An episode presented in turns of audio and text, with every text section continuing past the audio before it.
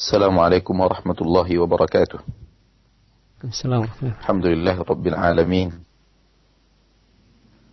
الصلاة والسلام على أشرف الأنبياء والمرسلين. نبينا وحبيبنا ورسولنا محمد وعلى آله وصحبه أجمعين. أشهد أن لا إله إلا الله وحده لا شريك له. وأشهد أن محمدا عبده ورسوله. المبعوث رحمة للعالمين رضيت بالله ربا وبالإسلام دينا وبمحمد صلى الله عليه وسلم نبيا ورسولا معاشر المسلمين والمسلمات المستمعين والمستمعات pencinta dakwah akidah sunnah wal jamaah dimanapun antum berada rahimani wa rahimakumullah. Alhamdulillah pada pagi hari ini kembali kita bisa menjalin sebuah hubungan di atas tali dakwah, di atas jalan dakwah yang kita berharap Allah tabaraka wa taala memberikan kepada kita hidayahnya dan taufiknya di dalam setiap aktivitas yang kita lakukan. Baik aktivitas itu kita lakukan individu ataupun berjamaah. Dan tidak ada berkah di dalam aktivitas apa pun apabila tidak memiliki dua hal. Yang pertama ikhlas tidak menjalankan aktivitas itu. Kedua, mutabaah mengikuti Rasulullah sallallahu alaihi wasallam dalam aktivitas dalam aktivitas tersebut. Baik dilakukan seorang diri atau dilakukan berjamaah haruslah mengikuti dua syarat diterima amalan tersebut agar menjadi sebuah amalan yang saleh dan diterima di sisi Allah Subhanahu wa taala. Niat yang baik harus diiringi dengan aktivitas yang benar. Sebagaimana aktivitas yang benar pun harus diiringi dengan niat yang baik. Masyaallah muslimin dan muslimat, kembali kita bersama kitab Syekhul Islam Ibn Taimiyah rahimahullah Al-Aqidah Al-Wasitiyah dan pada pertemuan yang lalu kita selesaikan muqaddimah beliau yang mana di dalam muqaddimah itu dan seluruh muqaddimah para ulama terdapat fondasi-fondasi agama yang sangat kuat. Terdapat sesuatu yang harus kita fahami dengan benar sehingga kalimat yang merupakan mukaddimah-mukaddimah itu biasanya rangkuman daripada ringkasan-ringkasan akidah yang sangat penting dan sangat fundamen di dalam menjalankan kehidupan kita beragama di permukaan bumi. Oleh karena itu, kita berharap apa yang bisa kita berikan syarahnya pada mukaddimah yang dia bawakan dalam kitab Al-Aqidah Al-Wasatiyah bisa memberikan sesuatu yang bermakna kepada kaum muslimin sehingga akhirnya kaum muslimin bisa mendengarkan mukaddimah-mukaddimah yang disampaikan oleh para ulama di dalam buku-buku mereka, dalam ceramah-ceramah mereka melalui kaset, televisi dan yang lainnya ataupun para asatidah di dalam muhadarat ataupun para khutbah di dalam mimbar-mimbar Jumat dan yang lainnya bisa memahami kandungan makna daripada mukaddimah yang selalu kita dengarkan setiap kali kita membaca buku, setiap kali kita mendengarkan ceramah, setiap kali kita mendengarkan khutbah. Setelah mukaddimah tersebut, Syekhul Islam Ibn Taimiyah rahimahullah masuk ke dalam apa yang ingin beliau sampaikan di dalam kitab dengan mengatakan amma ba'du. Makna daripada amma ba'du adalah adapun yang ingin saya sampaikan setelah ini adalah Adapun yang akan saya sampaikan setelah ini adalah lalu beliau mulai masuk ke dalam apa yang ingin beliau sampaikan. Sebagian ulama mengatakan amma ba'du adalah faslul khitab yang Allah ajarkan kepada Nabi Daud alaihi salam. Nabi Daud alaihi salam menurut sebagian para ulama, beliau yang pertama kali diwahyukan kepadanya kalimat amma ba'du. Di dalam Al-Quran Allah berfirman, Wa atainahu faslal khitab. Kami berikan kepadanya faslal khitab. Pemisah pembicaraan. Antara muqaddimah dan apa yang ingin disampaikan. Wallahu ta'ala alam. Akan tetapi, hal ini adalah sesuatu yang dilakukan oleh para ulama dan ini ditiru dari Nabi kita tercinta Muhammad sallallahu alaihi wasallam. Apakah secara riwayat sahihah Nabi Daud yang pertama kali mengajarkan amma ba'du ataukah fasal khitab yang ada di dalam ayat maknanya sesuatu yang bukan amma ba'du Allahu ta'ala alam bisihatiha. Lalu kemudian Syekhul Islam berkata, "Fahadha i'tiqadu al-firqatin najiyah al-mansurah ila qiyamis sa'ah ahli sunnati wal jamaah." Yang artinya, maka inilah akidah firqah najiyah, kelompok yang selamat. Al-Mansurah yang ditolong dan dimenangkan. Ila qiyamis sa'ah sampai bangkitnya hari kiamat. Sampai terjadinya hari kiamat. Ahli sunnati wal jamaah. Kelompok yang merupakan kelompok ahli sunnah wal jamaah pencinta-pencinta sunnah dan orang-orang yang berjamaah di atas sunnah. Ma'asyarul muslimin wal muslimat. Beliau berkata, "Fahada i'tiqad." Inilah akidah. Apakah itu akidah? Akidah, ma'asyarul muslimin wal muslimat, berasal dari bahasa Arab yang makna dan kalimat dasarnya adalah aqada yaqidu. Aqada yaqidu aqidah. Aqada yaqidu bermakna rabata yarbutu, mengikat. Maka aqidah adalah rabtun. Aqidah adalah sebuah ikatan ikatan hati akan sesuatu.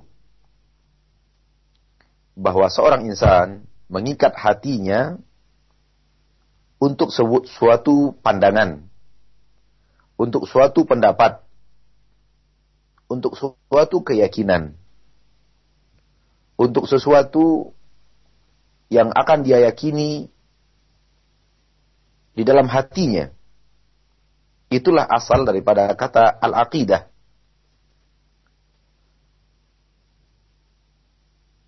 Sehingga hati diikat untuk sesuatu. Alangkah banyaknya hati kita meyakini sesuatu dan terikat untuk suatu pemahaman dan terikat untuk suatu keyakinan dan itulah akidah. Itulah dia akidah, ikatan hati. Akidah terbagi kepada dua akidah yang sahihah, ikatan hati yang benar, dan akidah fasidah, ikatan hati yang rusak, yang tidak benar. Kapan suatu akidah dikatakan akidah yang sahihah, dan kapan suatu akidah dikatakan akidah yang fasidah, yang rusak, tidak benar, apabila apa yang diyakini oleh hati itulah yang sebenarnya terjadi di dalam realita kehidupan. Maka itulah akidah yang sahih. Apabila ikatan hati sesuai dengan realita yang sesungguhnya. Maka akidah sesuai dengan realita disebut akidah sahihah. Akidah yang benar.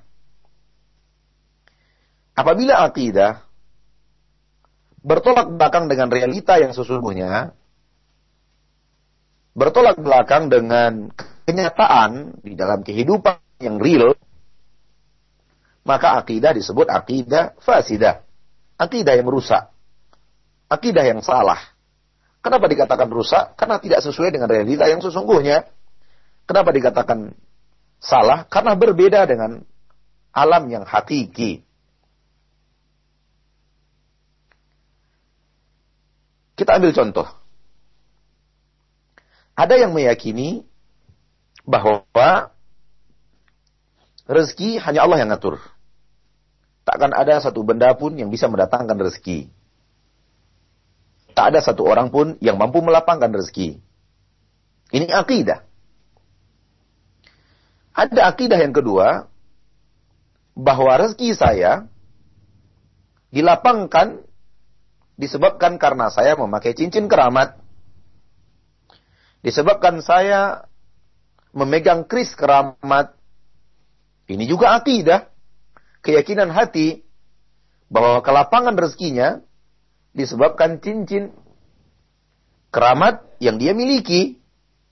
Bahwa kelapangan rezekinya disebabkan kris keramat yang dia punya.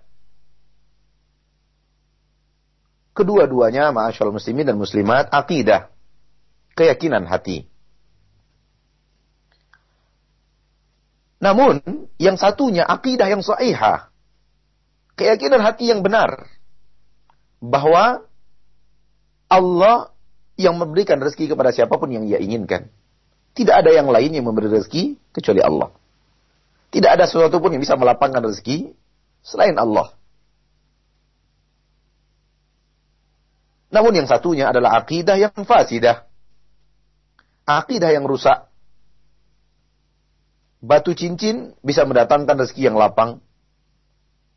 Keris bisa mendatangkan rezeki yang lapang. Ini akidah yang fasidah. Ini akidah yang rusak. Kenapa dia dikatakan rusak? Karena tidak sesuai dengan realita yang sesungguhnya. Batu, cincin, batu cincin, dan keris, dia adalah benda mati, berbicara tidak bisa, mendengarkan kata-kata kita tidak bisa, apalagi menjawab seruan kita, apalagi kita mohonkan untuknya rezeki, Wong dia saja berjalan tidak mampu, berbicara tidak mampu, mendengar tidak mampu, bagaimana mungkin dia akan melapangkan rezeki seseorang? Maka ini batil. Namun, lihatlah, ada orang-orang yang mengikat hatinya di atas keyakinan bahwa batu inilah yang telah melapangkan rezekinya. Dia pakai batu, batu, batu, batu yang lain sebelumnya, tidak ada yang berhasil. Namun batu yang satu ini, semenjak pakai batu yang satu ini, lapang rezekinya. Berarti batu ini yang memang yang telah melapangkan rezekinya. Ini akidah yang batil. Akidah yang fasid. Akidah fasidah. Akidah yang rusak. Yang benar adalah selama ini Allah tidak lapangkan rezekinya, sekarang baru Allah lapangkan rezekinya. Itu yang saya. Masyaallah muslimin setelah kita tahu apa itu akidah dan kapan sebuah akidah dikatakan akidah sahihah dan kapan sebut akidah disebut akidah fasidah, maka hendaklah kita selalu berusaha untuk menjadikan akidah kita akidah yang sahihah. Dan akidah yang sahihah, akidah ikatan hati, keyakinan di dalam dada yang senantiasa selaras dengan apa yang disampaikan Allah Subhanahu wa taala dan apa yang disampaikan Rasulullah Sallallahu Alaihi Wasallam. Dan sesuai dengan realita yang ada di dalam kehidupan. Disebabkan akidah memiliki peranan paling penting dalam kehidupan manusia. Bahkan akidahlah inti pertama kehidupan seorang manusia. Dan akidahlah yang akan membawa langkahnya untuk berbuat ketika akidahnya kokoh, maka amal perbuatannya akan kokoh dan apabila akidahnya keropos, amal ibadahnya pun akan keropos. Ketika akidahnya hilang, dia pun akan kehilangan agamanya. Karenanya Allah tabaraka wa taala menjadikan bab-bab akidah adalah bab-bab yang penting di dalam agama Islam, bahkan kepentingannya melebihi kepentingan bab-bab ibadah dan bab-bab muamalah. Akidah lebih penting daripada ibadah. Dan semuanya penting.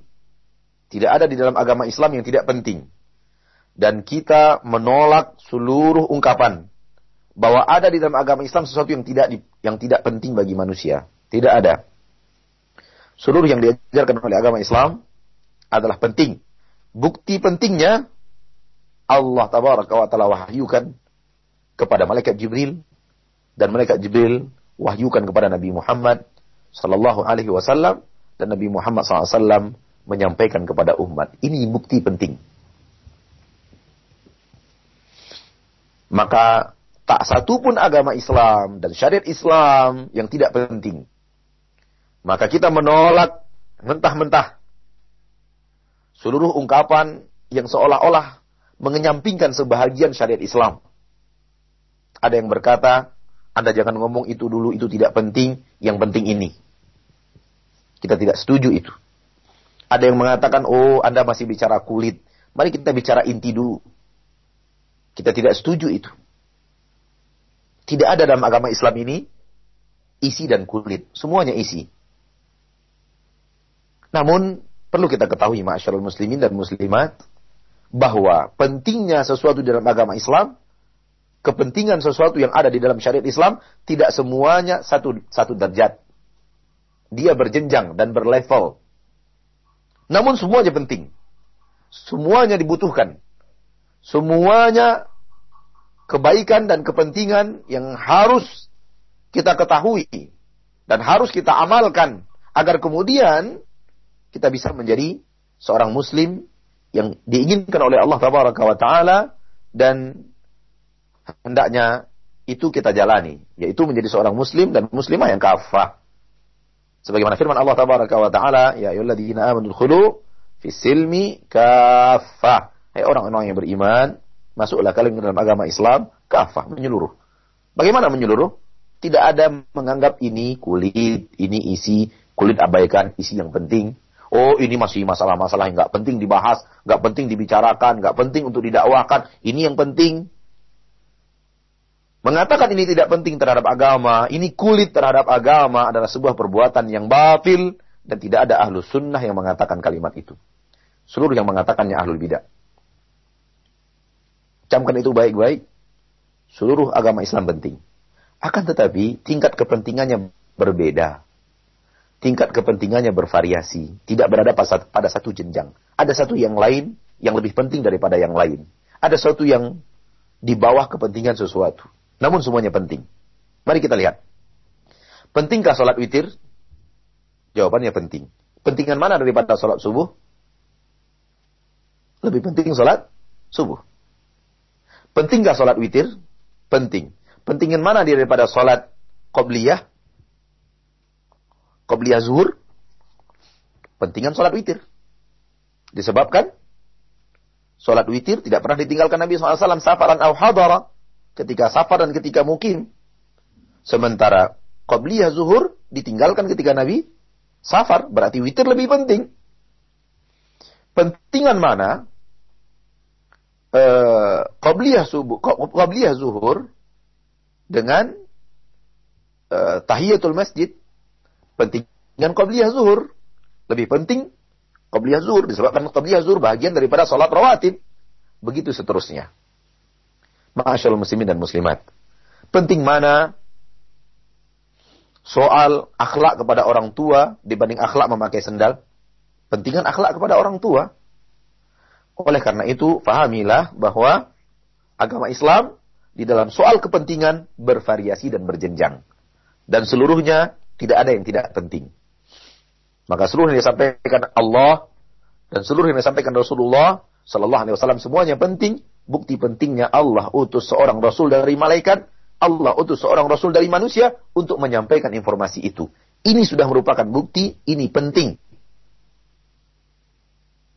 Na'udzubillah dari hati-hati yang zairah. Hati-hati yang menyeleweng daripada kebenaran. Ada sesuatu yang tidak ada dalam agama Islam. Tidak diajarkan di dalam Al-Quran. Tidak diajarkan di dalam hadis. Ia anggap itu lebih penting daripada apa yang ada di dalam syariat Islam. Ini sudah keterlaluan dalam penyelewengan hati. Allah tidak ajarkan. Rasul tidak ajarkan. Ia karang sendiri. Atau dikarang oleh manusia, siapa pun manusianya. Bahkan tidak jarang karangan itu baru kemarin sore datangnya. Dia anggap ini lebih penting daripada apa yang ada di dalam Al-Quran dan Sunnah. Na'udzubillah min qalbin za'ir. Min qalbin ghafil. Kita berselindung kepada Allah dari hati yang menyeleweng dan hati yang lalai. Bagaimana mungkin Anda akan meyakini sesuatu yang Allah ajarkan, sesuatu yang Rasul ajarkan, lebih rendah daripada apa yang diciptakan manusia, apa yang dibuat oleh manusia, apa yang dikarang oleh manusia. Fala haula wala quwwata illa billahil aliyil azim. Nas'alullah al-huda wa tuqa. Kami kita minta kepada Allah hidayah dan kita minta kepada Allah ketakwaan. Kita ambil contoh.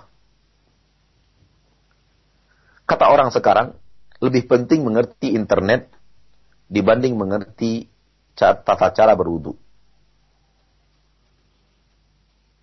La haula wala quwwata illa billah. Ini karangan manusia.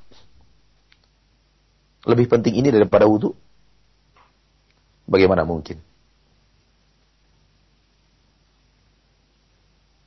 Coba lihat. Lebih penting ilmu kedokteran dibanding ilmu mengenai mandi junub. Nauzubillah. Bagaimana hati memahami sesuatu yang Allah ajarkan, sesuatu yang Rasulullah ajarkan, lebih penting daripada ciptaan manusia? Maka hati-hati ma'asyal muslimin, meyakini sesuatu lebih penting, melebihi apa yang Allah ajarkan kepada manusia. Memang itu dibutuhkan orang. Tapi kepentingan tidak mungkin seperti kepentingan syariat. Semua manusia di permukaan bumi yang mukallaf butuh pengetahuan tentang ilmu mandi junub. Ghuslul janabah. Dan tidak semua mereka membutuhkan ilmu pengetahuan tentang dokter. dokter. Tidak semua mereka membutuhkan ilmu tentang internet. Bahkan tidak jarang dan realita menyatakan pengetahuan orang tentang ilmu internet malah yang merusak manusia. Sementara pengetahuan mereka tentang ilmu toharah, ilmu berwudu tidak akan merusak. Melainkan akan mendekatkan diri mereka kepada Allah Ta'ala. Dengan cara berwudu yang benar. Betapa banyak kita lihat. Orang sudah tua berwudu tidak benar. Orang sudah dewasa berwudu tidak benar. Mungkin dia sudah sholat lebih daripada 30 tahun, tapi wudhunya belum benar. Ini menunjukkan kelalaian yang luar biasa. Masyaallah muslimin dan muslimat. Kembali kita kepada persoalan persoalan akidah. Hendaklah kita menjadikan akidah kita sesuatu yang benar dan ini adalah persoalan yang sangat inti dalam syariat Islam dan kepentingannya bahkan di atas kepentingan melaksanakan ketaatan kepada Allah taala. Seperti yang kita katakan tadi bahwa Islam dalam kepentingan syariat Islam dalam kepentingan berjenjang dan bervariasi akidah mendapatkan peranan utama dalam kepentingan. Terbukti bahwa Nabi Muhammad SAW berdakwah kepada akidah di awal-awal diutusnya Rasulullah SAW oleh Allah Taala kepada manusia. Tahun pertama, kedua, ketiga, keempat, kelima, keenam, ketujuh, kedelapan. Semuanya masalah akidah. Kemudian baru turun perintah salat di tahun ke-9 Delapan tahun setelah itu sholat datang. Sholat ibadah yang pertama. Ibadah yang utama. Amalan yang utama di dalam agama Islam. Datang setelah delapan tahun berdakwah kepada akidah. Cukup satu ini. Tidak perlu ditambah yang lain untuk kita menyatakan akidah lebih penting daripada sholat. Dan bukan berarti kita mengatakan sholat tidak penting. Na'udzubillah dari akidah yang tidak benar ini. Kita mengatakan sholat penting sekali. Bahkan dia adalah pondasi daripada Islam seseorang. Apalagi sholat wajib, dia adalah rukun daripada rukun Islam seseorang. Bahkan ada ulama yang menyatakan kafir. Siapa pun yang meninggalkan sholat dengan sengaja walau satu kali. Walau satu kali. Sengaja meninggalkan sholat, sebagian ulama mengatakan kafir. Luar dari agama Islam. Walaupun sebagian menyatakan tergantung akidahnya. Akan tetapi, semua ini menunjukkan pentingnya masalah sholat. Namun, lebih penting akidah. Ma'asyarul muslimin, salah berakidah akan menyebabkan Anda masuk ke dalam salah satu di antara dua kesalahan. Yaitu bid'ah atau syirik. Bid'ah atau syirik. Kesalahan beribadah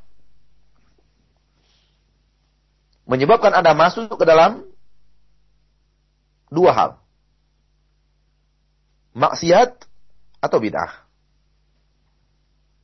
maksiat atau bid'ah. Salah beribadah memasukkan Anda ke dalam maksiat atau bid'ah. Dan salah berakidah memasukkan Anda ke dalam bid'ah atau syirik. Ini menandakan bahwa masalah akidah berat. Masalah akidah penting. Bahkan sholat Anda tidak akan diterima oleh Allah andai akidah Anda salah. Puasa Anda tidak akan diterima oleh Allah kalau akidah Anda rusak. Dirusak oleh syirik dalam akidah. Seluruh akid, seluruh ibadah membutuhkan fondasi akidah. Dan tidak sebaliknya. Mahlah akidah adalah fondasi tempat kita meletakkan ibadah. Tidak akan berdiri ibadah yang kokoh kecuali berdiri di atas pondasi yang kokoh. Semua ini menunjukkan bahwa akidah penting. Sehingga para ulama mengatakan akidah usul, pondasi. Akidah usus, pondasi. Usul, usuluddin, pondasi-pondasi agama. Berarti kalau akidah pondasi, ibadah bina bangunan di atas pondasi yang berdiri. Masyal muslimin dan muslimat. Wajib bagi kita semuanya wajib. Untuk menjadikan akidah kita akidah yang selamat. Minimal-minimal selamat dari syirik. Minimal-minimal selamat.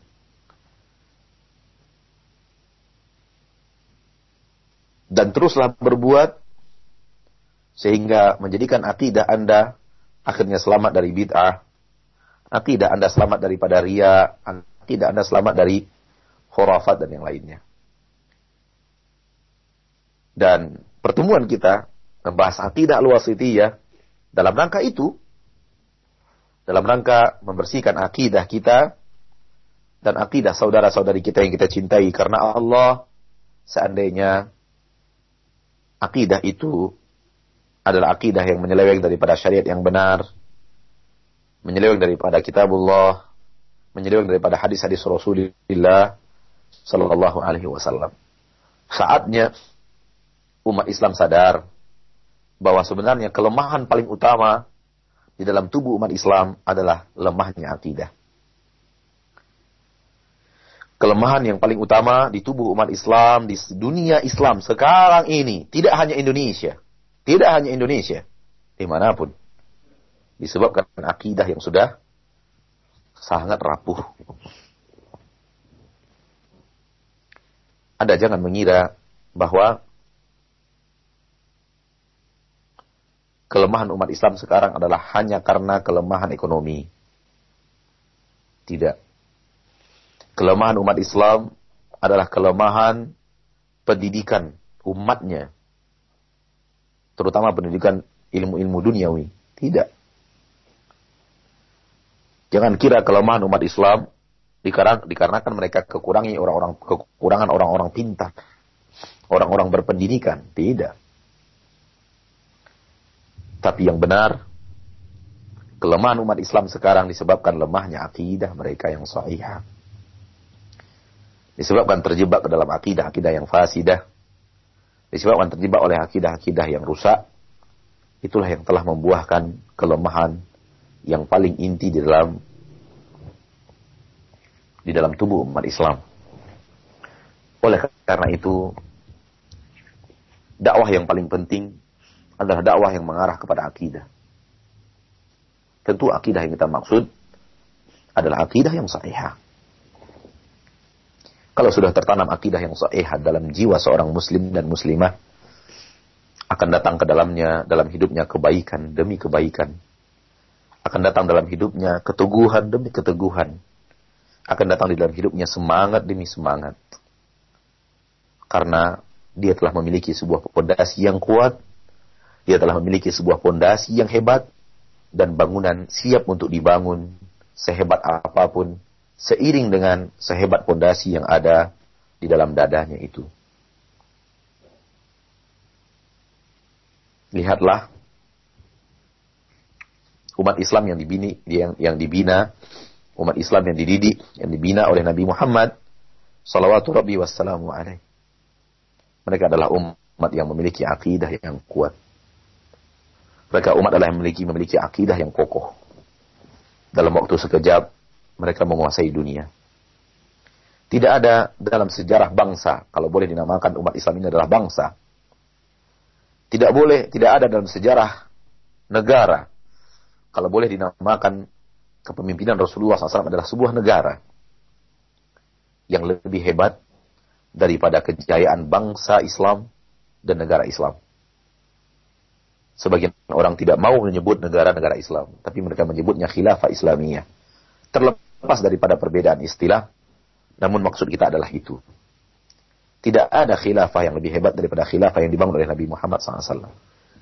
Tidak ada kejayaan yang sedemikian hebat terjadi dalam sejarah peradaban manusia selain apa yang telah dihasilkan oleh Nabi Muhammad Sallallahu Alaihi Wasallam di dalam membangun bangsa yang benar, di dalam membangun khilafah yang sahihah, di dalam membangun umat yang hebat dan kuat, sehingga dalam waktu sekejap mereka menjadi penguasa-penguasa dunia.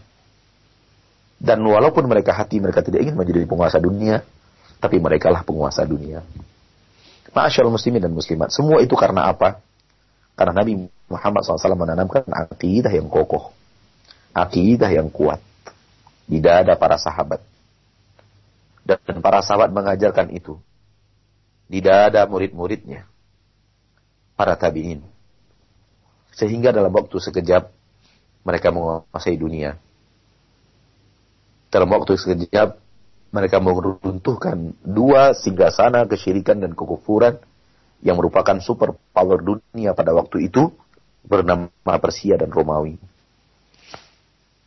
Oleh karena itu, barang siapa yang membaca sejarah Rasulullah SAW dengan bacaan yang benar dan dengan pemahaman yang sahih di bawah bimbingan para ulama, di bawah bimbingan buku-buku para ulama yang mu'tabar, mereka pasti menemukan titik keberhasilan umat yang dibangun oleh Nabi Muhammad SAW adalah di dalam akidah. Setelah itu yang lainnya ikut. Setelah itu yang lainnya ikut. Cukup untuk dalil ini firman Allah Tabaraka wa taala dalam surat dalam surat An-Nur ayat 55. Allah berfirman, "A'udzu billahi minasyaitonir rajim. Bismillahirrahmanirrahim. Wa'adallahu alladziina aamanu minkum wa 'amilu shalihat la yastakhlifannahum fil ard kama istakhlafa alladziina min qablihim ولا la yubaddilannahum min ba'di khawfihim. Wa la yumakkinanna lahum dinahum alladhi ولا ولا wa la yubaddilannahum min ba'di khawfihim. Amna syaratnya ya'budunani la yushrikuna bi syai'a Allah berjanji kepada orang-orang yang beriman di antara kalian dan beramal saleh bahwa Allah akan jadikan mereka pemimpin di permukaan bumi. Sebagaimana Allah telah menjadikan orang-orang sebelum mereka pemimpin. Dan Allah akan mengokohkan untuk mereka agama yang telah Allah ridhoi untuk mereka yaitu agama Islam Dan Allah akan mengganti rasa takut dengan rasa aman. Allah akan mengganti ketakutan yang merajalela dengan keamanan yang menyeluruh.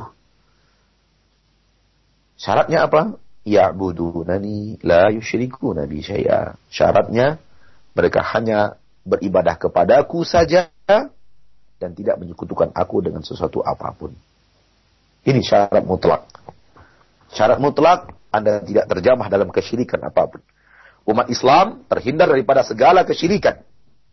Dan apa yang membuat mereka bisa terhindar daripada kesyirikan? Aqidah yang sahihah. Aqidah yang benar. Masyaallah muslimin wal muslimat.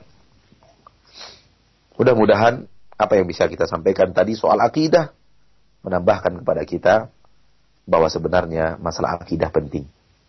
Oleh karena itu, masyaallah muslimin dan muslimat, jangan sungkan-sungkan antum membeli buku-buku akidah. Wallahi, buku itu lebih penting daripada buku hadis. Wallahi, buku itu lebih penting daripada buku fikih. Jangan sungkan-sungkan membaca kitab-kitab akidah. Dan Allah subhanahu wa ta'ala, Rabbul Izzati wal Jalalah. Ketika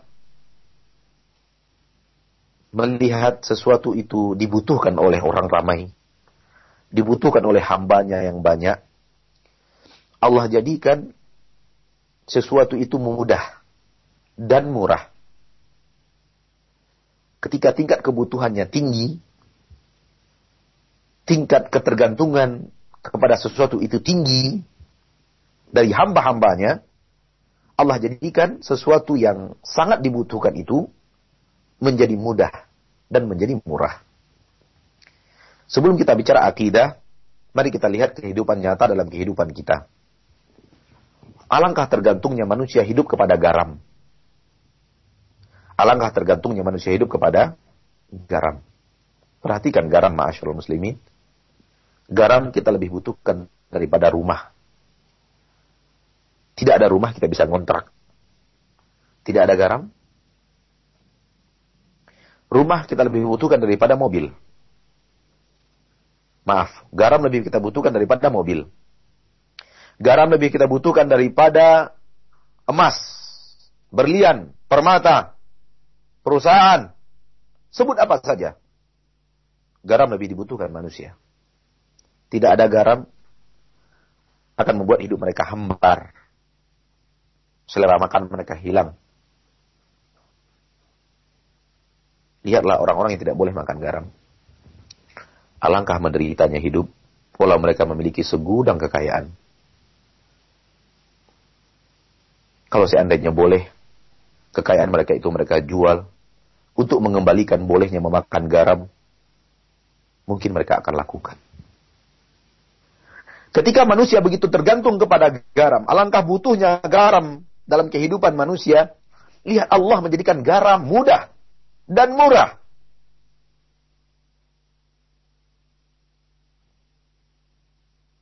Kita ambil contoh yang kedua air. Demikian juga.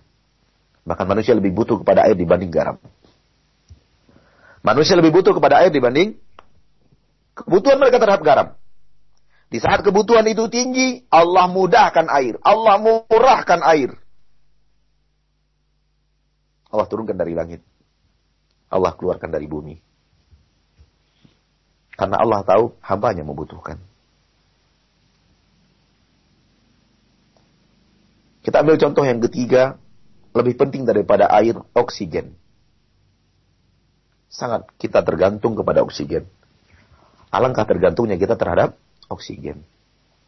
Maka lihat Allah mudahkan oksigen dalam kehidupan kita. Ma'asyal muslimin, ini realita yang nyata bahwa Allah tabaraka wa ta'ala yang maha pengasih, maha penyayang kepada hamba-hambanya Apabila melihat ketergantungan yang sangat terhadap sesuatu, Allah mudahkan dan Allah murahkan sesuatu itu. Demikian juga dengan akidah. Ketika akidah dibutuhkan oleh manusia, Allah mudahkan hal yang akan mengajarkan akidah kepada mereka. Allah murahkan buku-buku akidah. Ma'asyur muslimin, apabila Anda pergi ke toko-toko buku, itu rata-rata kitab-kitab yang tipis, kitab-kitab akidah. Yang harganya 3 ribu, 8 ribu, 10 ribu, 12 ribu, 30 ribu, 40 ribu. Itu kitab-kitab akidah. Karya-karya para ulama kita Lihat kitab Tauhid, lihat kitab Usul Salasah, lihat kitab Aqidah Wasatiyah matannya. Lihat Aqidah Tahawiyah matannya. Kitab-kitab kecil. Yang murah. Yang mudah untuk dihasilkan. Tapi lihatlah kitab-kitab hadis. Mahal. Lihatlah kitab-kitab sejarah. Mahal. Fatul Bari, 13 jilid.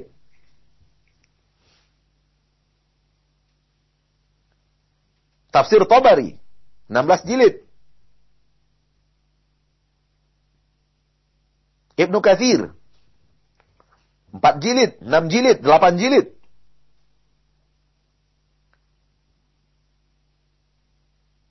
Tentang kitab akidah, satu jilid kecil.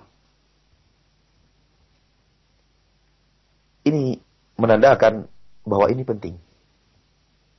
Karena Allah ketika melihat sebuah kepentingan dan urgensi sebuah buku yang harus dikuasai dan dimiliki dan diketahui hambanya, Allah mudahkan jalan.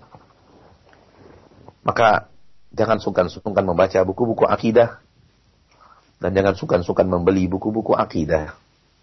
Karena akidah ini yang paling penting dalam kehidupan Anda. Belilah kitab-kitab akidah itu, kuasailah dengan cara membacanya, memahaminya dengan benar, dan menanyakan kepada para asatidah apa yang Anda tidak paham dalam kitab akidah tersebut. Kalau akidah Anda lurus dan tidak terjamah oleh kesyirikan, jaminan untuk Anda adalah surga Allah Taala. Surga adalah tempat orang-orang yang berakidah benar dan neraka adalah tempat orang-orang berakidah salah. Salah yang saya maksud adalah terjerumus ke dalam kesyirikan, terjerumus ke dalam kekufuran yang merupakan aplikasi daripada akidah yang salah. Ketika orang salah meyakini hujan turun, siapa yang menurunkannya? Ketika orang salah meyakini hujan tidak jadi turun, siapa yang menahannya? Ketika orang salah meyakini rezeki siapa yang melapangkannya, maka terjerumuslah mereka ke dalam kesyirikan. Sehingga mereka melakukan permintaan dan mereka memanjatkan doa kepada sesuatu selain Allah. Dan ini kesyirikan. Dan kesyirikan itu terjadi disebabkan akidah mereka yang rusak.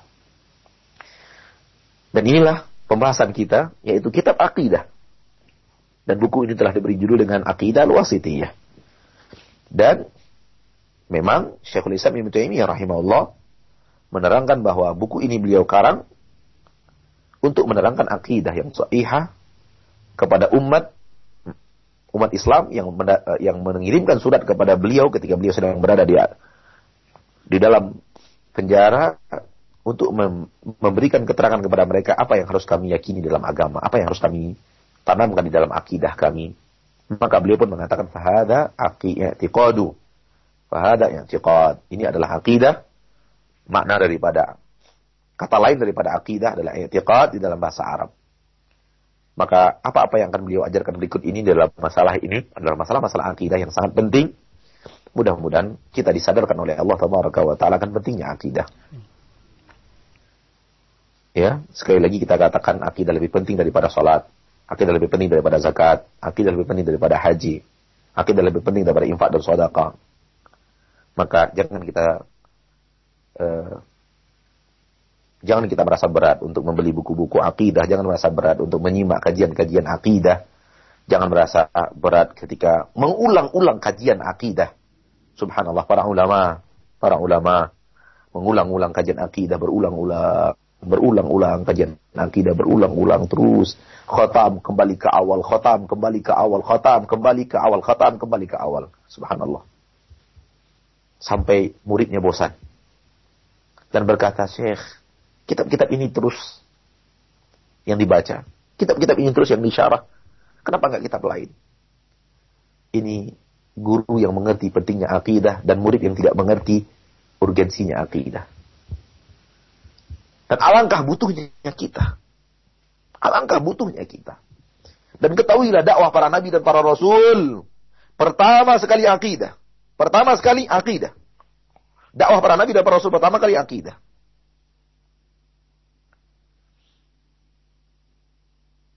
Akidahlah segala-galanya. Karena akidah adalah pondasi dari segala-gala amalan yang ada dalam agama Islam. Maka mari bergerak membenahi akidah Mari bersama membersihkan akidah dari hal-hal yang akan mengotorinya. Syirik, bid'ah, khurafat. Tiga hal yang sering mengotori akidah seorang muslim dan muslimah. Syirik terjadi keyakinan dalam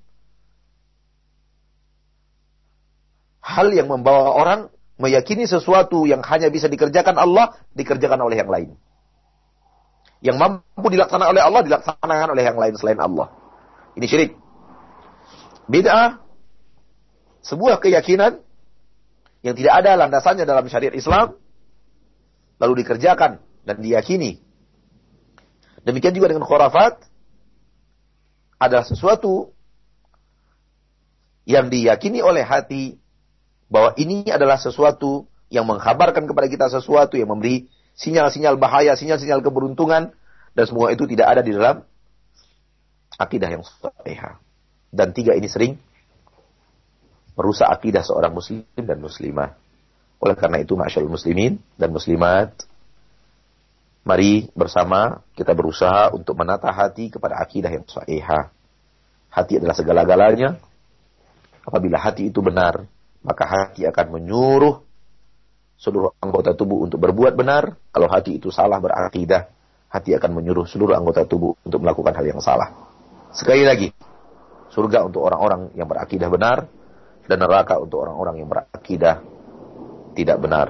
Semoga ini bermanfaat dan insya Allah taala eh, kita diberikan oleh Allah Subhanahu wa taala semangat untuk membenahi akidah semangat untuk membenahi akidah. Jihad tidak ada artinya kalau akidahnya batil. Ya. Jihad tidak ada artinya kalau akidahnya batil. Semoga bermanfaat dan kita lanjutkan dengan diskusi dan tanya jawab. Ya, baik. Syukuran jazakallahu khairu barakallahu fiik kepada Ustaz dan demikian ikhwatal iman rahimanallahu wa iyyakum pendengar radio Roja yang semoga Allah rahmati dan muliakan dan pendengar radio Hidayah FM di 103,4 Selanjutnya akan kami buka sesi tanya jawab dan untuk kesempatan pagi ini akan kami angkat uh, pertanyaan yang sudah masuk melalui pesan singkat. Ada beberapa pertanyaan Ustaz mengenai masalah akidah ini. Yang pertama, Assalamualaikum warahmatullahi wabarakatuh.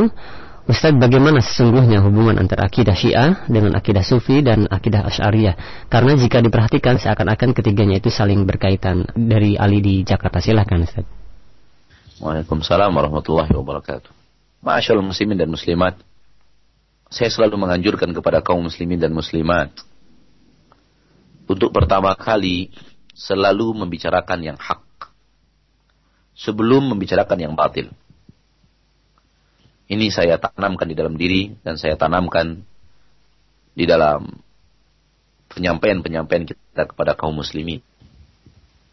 Jalan yang batil bervariasi. Jalan yang batil banyak. Jalan yang batil beraneka ragam. Sementara jalan yang hak satu. Oleh karena itu Allah mengatakan di dalam Al-Quran mendidik kita bahwa jalan yang benar satu dengan menurunkan Al-Quran ihdina siratal mustaqim. Sirat, mufrad, mustaqim. Nabi juga Wasallam menggambarkan bahwa jalan yang lurus itu satu. Hadis Abdullah bin Mas'ud yang masyhur. Nabi SAW membuat satu garis lurus. Kemudian di kiri dan kanannya dibuat garis yang banyak. Kemudian Nabi mengatakan inilah jalan Allah yang lurus. ini jalanku yang lurus. Adapun jalan-jalan yang banyak ini, itu ada jalan-jalan syaitan.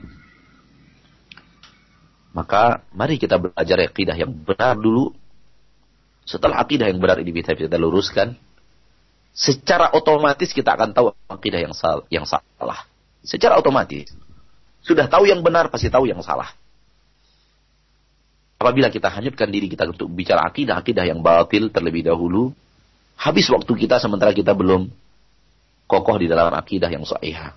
Oleh karena itu, Bukan saya mengatakan bahwa pertanyaan itu tidak penting. Mungkin di sana sini masih banyak saudara-saudara kita yang belum bisa untuk kita sampaikan kepada mereka kebatilan-kebatilan tersebut disebabkan mereka belum mengerti akidah yang sahih.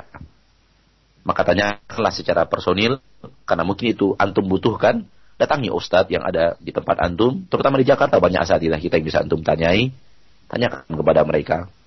Dan mudah-mudahan antum menemukan jawabannya dari ustadz-ustadz. Insya Allah ustadz akan menjawab dan Adapun untuk majlis-majlis seperti yang didengarkan oleh seluruh kaum muslimin, maka belum tentu jawaban kita bisa mereka cerna dengan baik. Oleh karena itu afwan Anda tidak tidak bisa menjawabnya.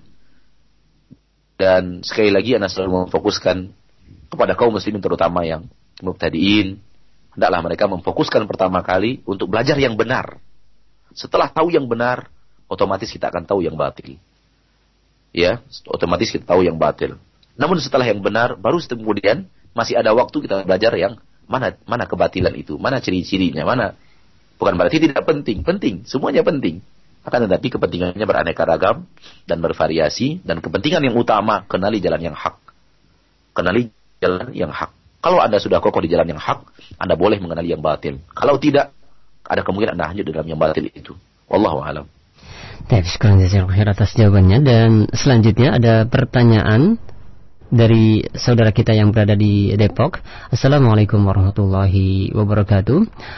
Ustadz, mengapa gaung dakwah yang hak ini sebelumnya tidak dikenal secara luas oleh masyarakat?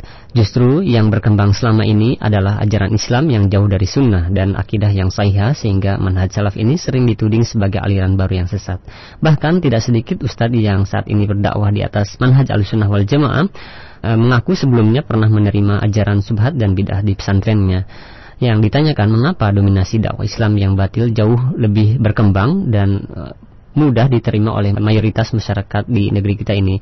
Lalu siapakah yang bertanggung jawab dalam hal ini? Syukran atas jawabannya, Ustaz. Silahkan. Waalaikumsalam warahmatullahi wabarakatuh.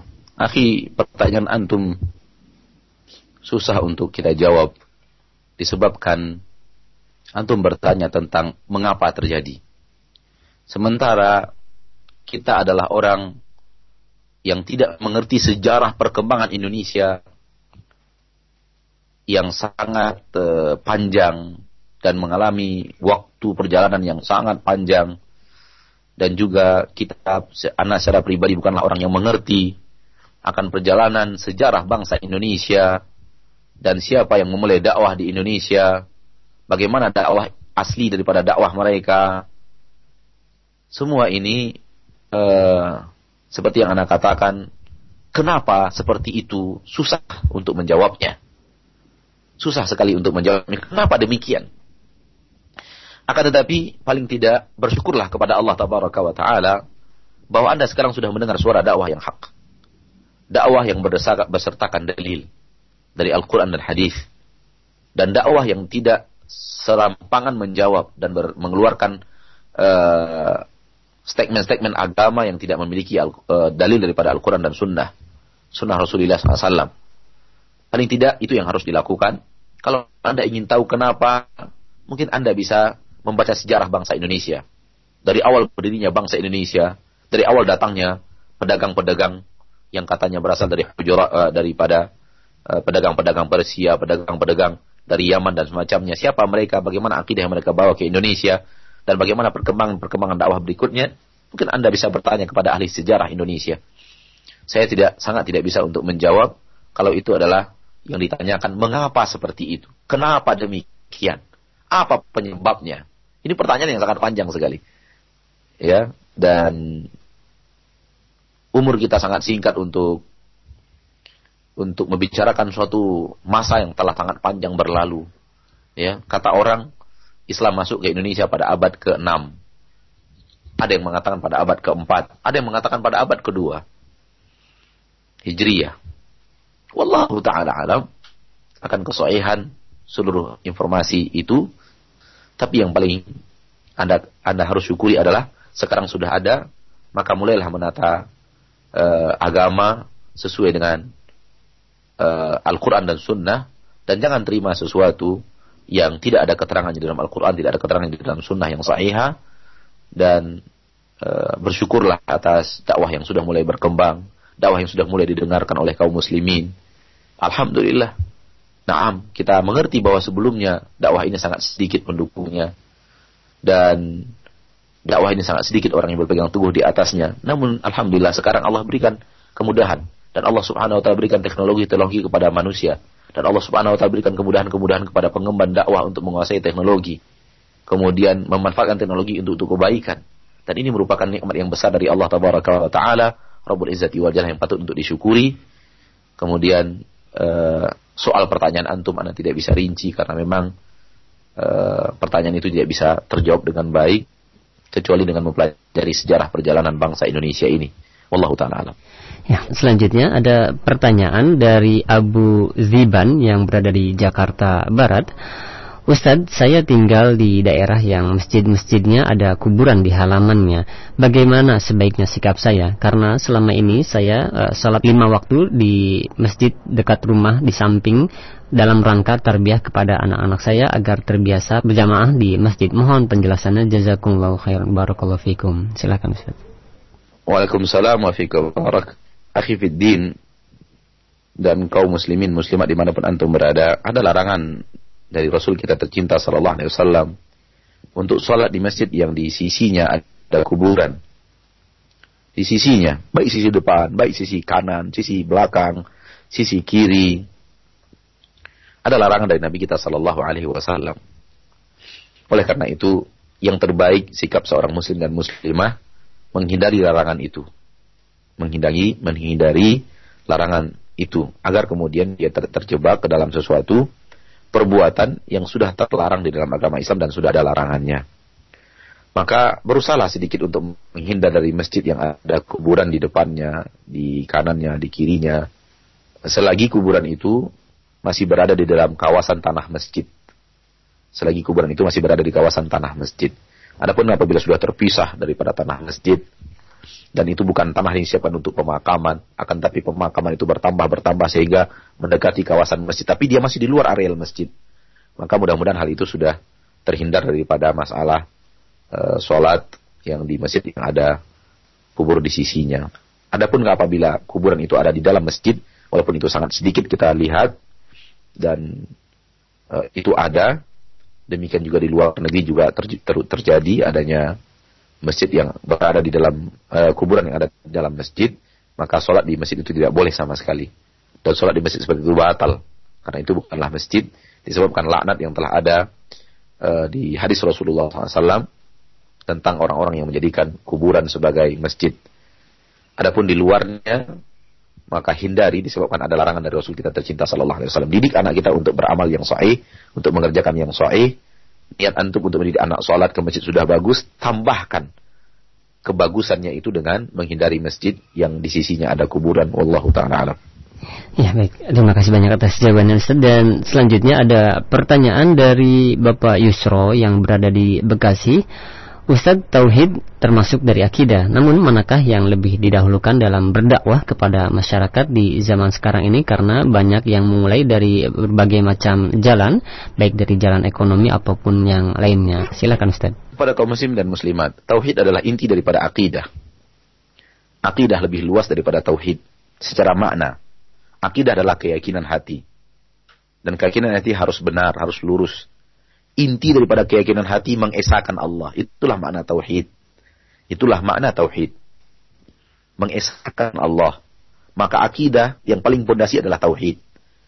Oleh karena itu kalimat tauhid maknanya lebih lebih lebih signifikan, lebih uh, kecil, lebih khusus daripada makna akidah. Daripada makna akidah. Akidah maknanya lebih lebih luas daripada tauhid. Maka berdakwah kepada tauhid, berdakwah kepada akidah yang sahihah adalah berdakwah kepada akidah. Dakwah kepada akidah maknanya adalah dakwah kepada tauhid. dakwah kepada akidah yang sahihah, inti daripada dakwah akidah yang sahih adalah dakwah kepada tauhid yang sahih. Wallahu taala alam. Ini yang yang yang yang harus difahami oleh ya uh, saudara kita yang bertanya ataupun saudara-saudari kita di mana pun untuk berada. Soal kemudian ada orang yang mulai dakwahnya dengan ekonomi, ada yang memulai dakwahnya membangun kekuatan Islam dengan akhlak saja. Maka ini bukan metode Rasul Sallallahu Alaihi Wasallam dan bukan metode para Rasul Rasul sebelum Nabi Muhammad Sallallahu Alaihi Wasallam dan para Nabi sebelum Nabi Muhammad SAW. Oleh karena itu para ulama ahlu sunnah memperingatkan uh, at-tauhidu awalan ya ahla sunnah. Masalah tauhid pertama kali wahai ahlu sunnah. Akidah yang pertama kali yang penting. Wallahu ta'ala alam. Ya baik terima kasih banyak atas jawaban Ustaz. Dan selanjutnya ada pertanyaan dari hamba Allah yang berada di Cirebon.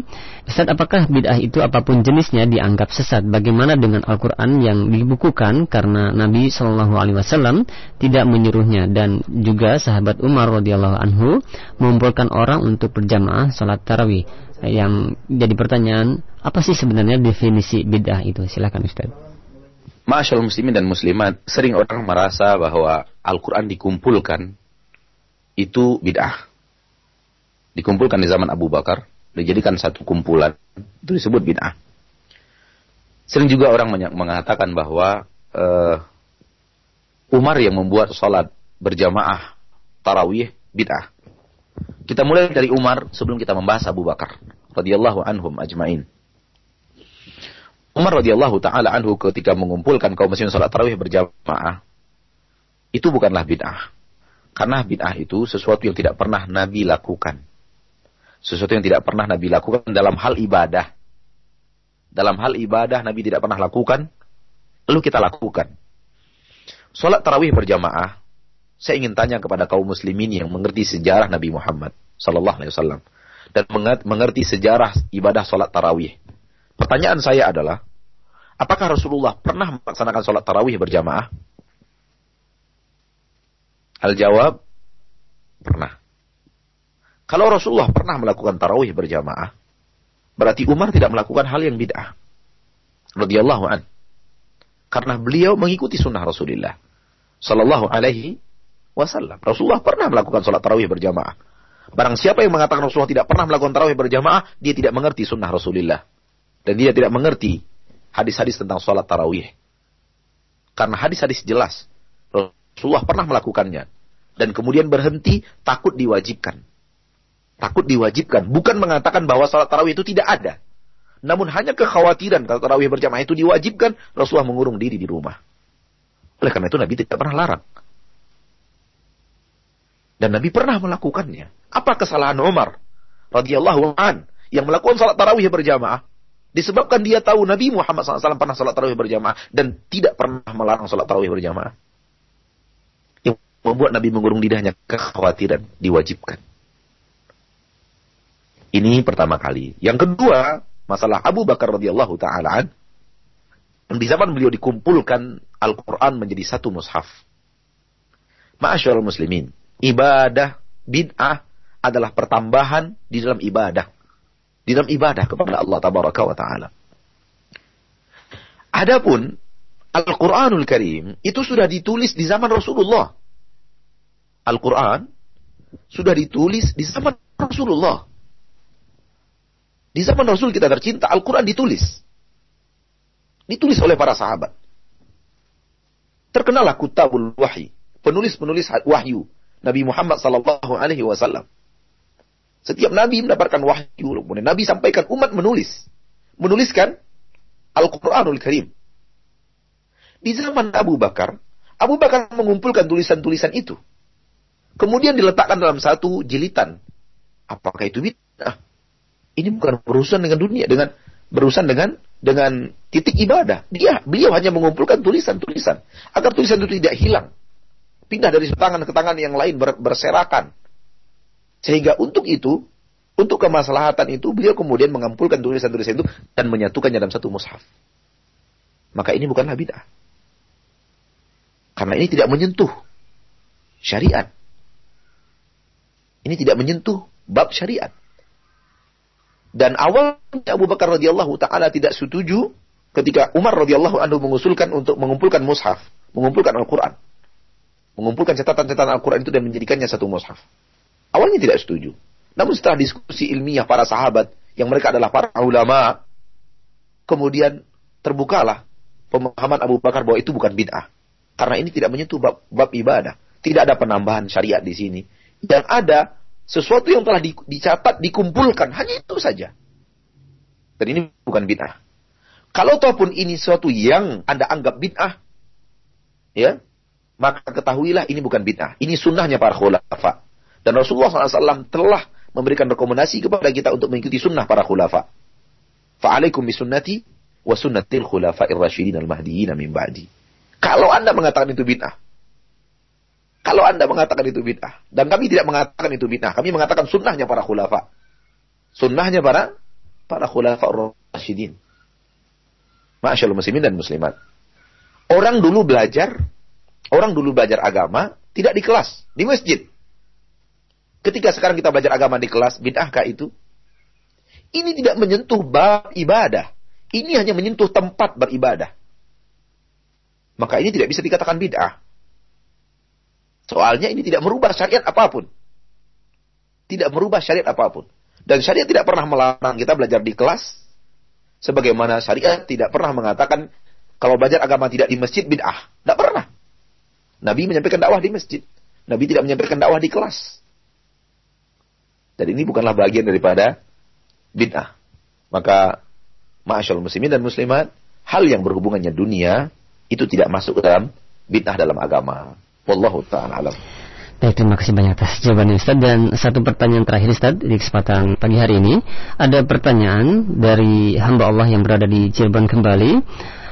Ustaz saya memiliki keponakan yang indigo yang katanya indigo itu bisa melihat sesuatu yang orang lain tidak bisa melihat. Apa benar dia dapat melihat hal-hal yang gaib atau hanya khayalan anak kecil saja?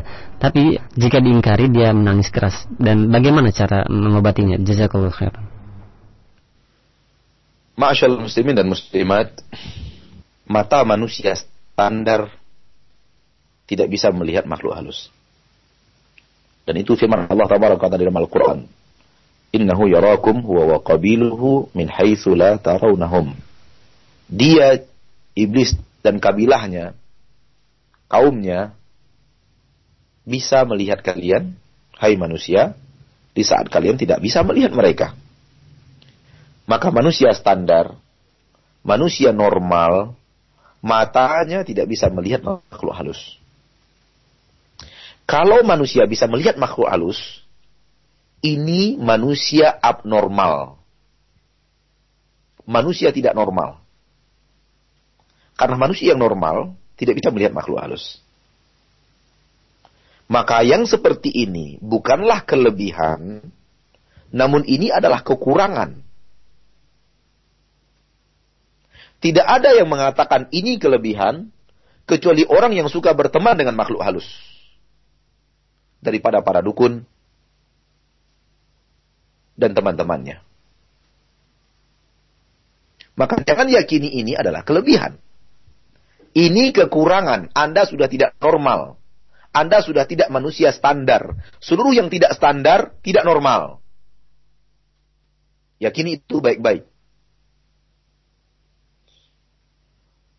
Terlepas daripada pembahasan tadi, kita kembali kepada pertanyaan saudara kita di Cirebon. Kalau memang ponakan Anda, adik Anda, dia sering melihat makhluk halus, itu kemungkinan ada. Kemungkinan, kalau sering kemungkinan. Dan apabila seseorang melihat makhluk halus, salah satu di antara dua hal.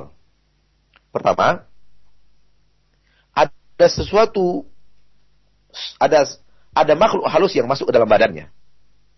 Ada makhluk halus yang masuk ke dalam badannya. Ada jin yang bersarang di tubuhnya. Sehingga matanya bukan lagi dua mata, namun empat mata. Dua mata manusia standarnya, dua mata jin yang bersarang di tubuhnya. Sehingga akhirnya mata itu bisa melihat makhluk halus. Terang saja, karena ada mata jin di sana. Satu. Kemungkinan kedua, bahwa di dalam tubuhnya tidak ada jin.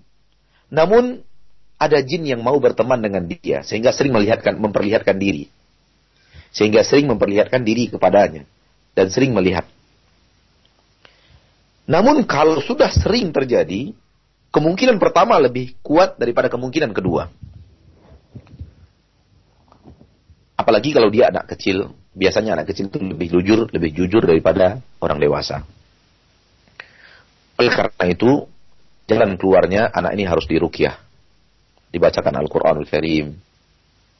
Dan kalau memang ada jin di badannya, insya Allah dengan rutin kita membacakan Al-Quran kepadanya, jin itu tidak akan betah tinggal di tubuh, disebabkan dia merasakan panasnya ayat Al-Quran dibacakan kepada anak ini, dan rutinkanlah setiap subuh pegang dia, bacakan Al-Quran 45 menit.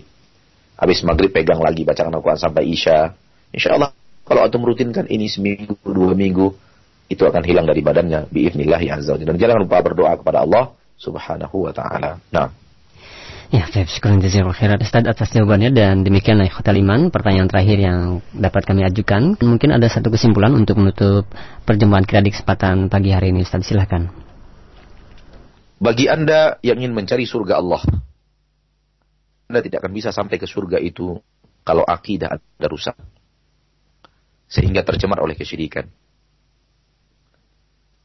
Oleh karena itu, kalau Anda serius ingin masuk surga, anda harus serius menjaga akidah Anda agar tidak terjemah oleh kesyirikan. Dan untuk serius itu, Anda perlu, perlu berusaha dengan menghadiri kajian-kajian yang berhubungan dengan akidah, menghadiri kajian-kajian dan seminar-seminar yang berbahasan dengan membahas akidah yang benar, kemudian membaca buku-buku, mendengarkan kaset-kaset para asatidah tentang akidah, dan menanyakan kepada asatidah akidah-akidah yang belum Anda ketahui. Wallahu ta'ala alam bisawab.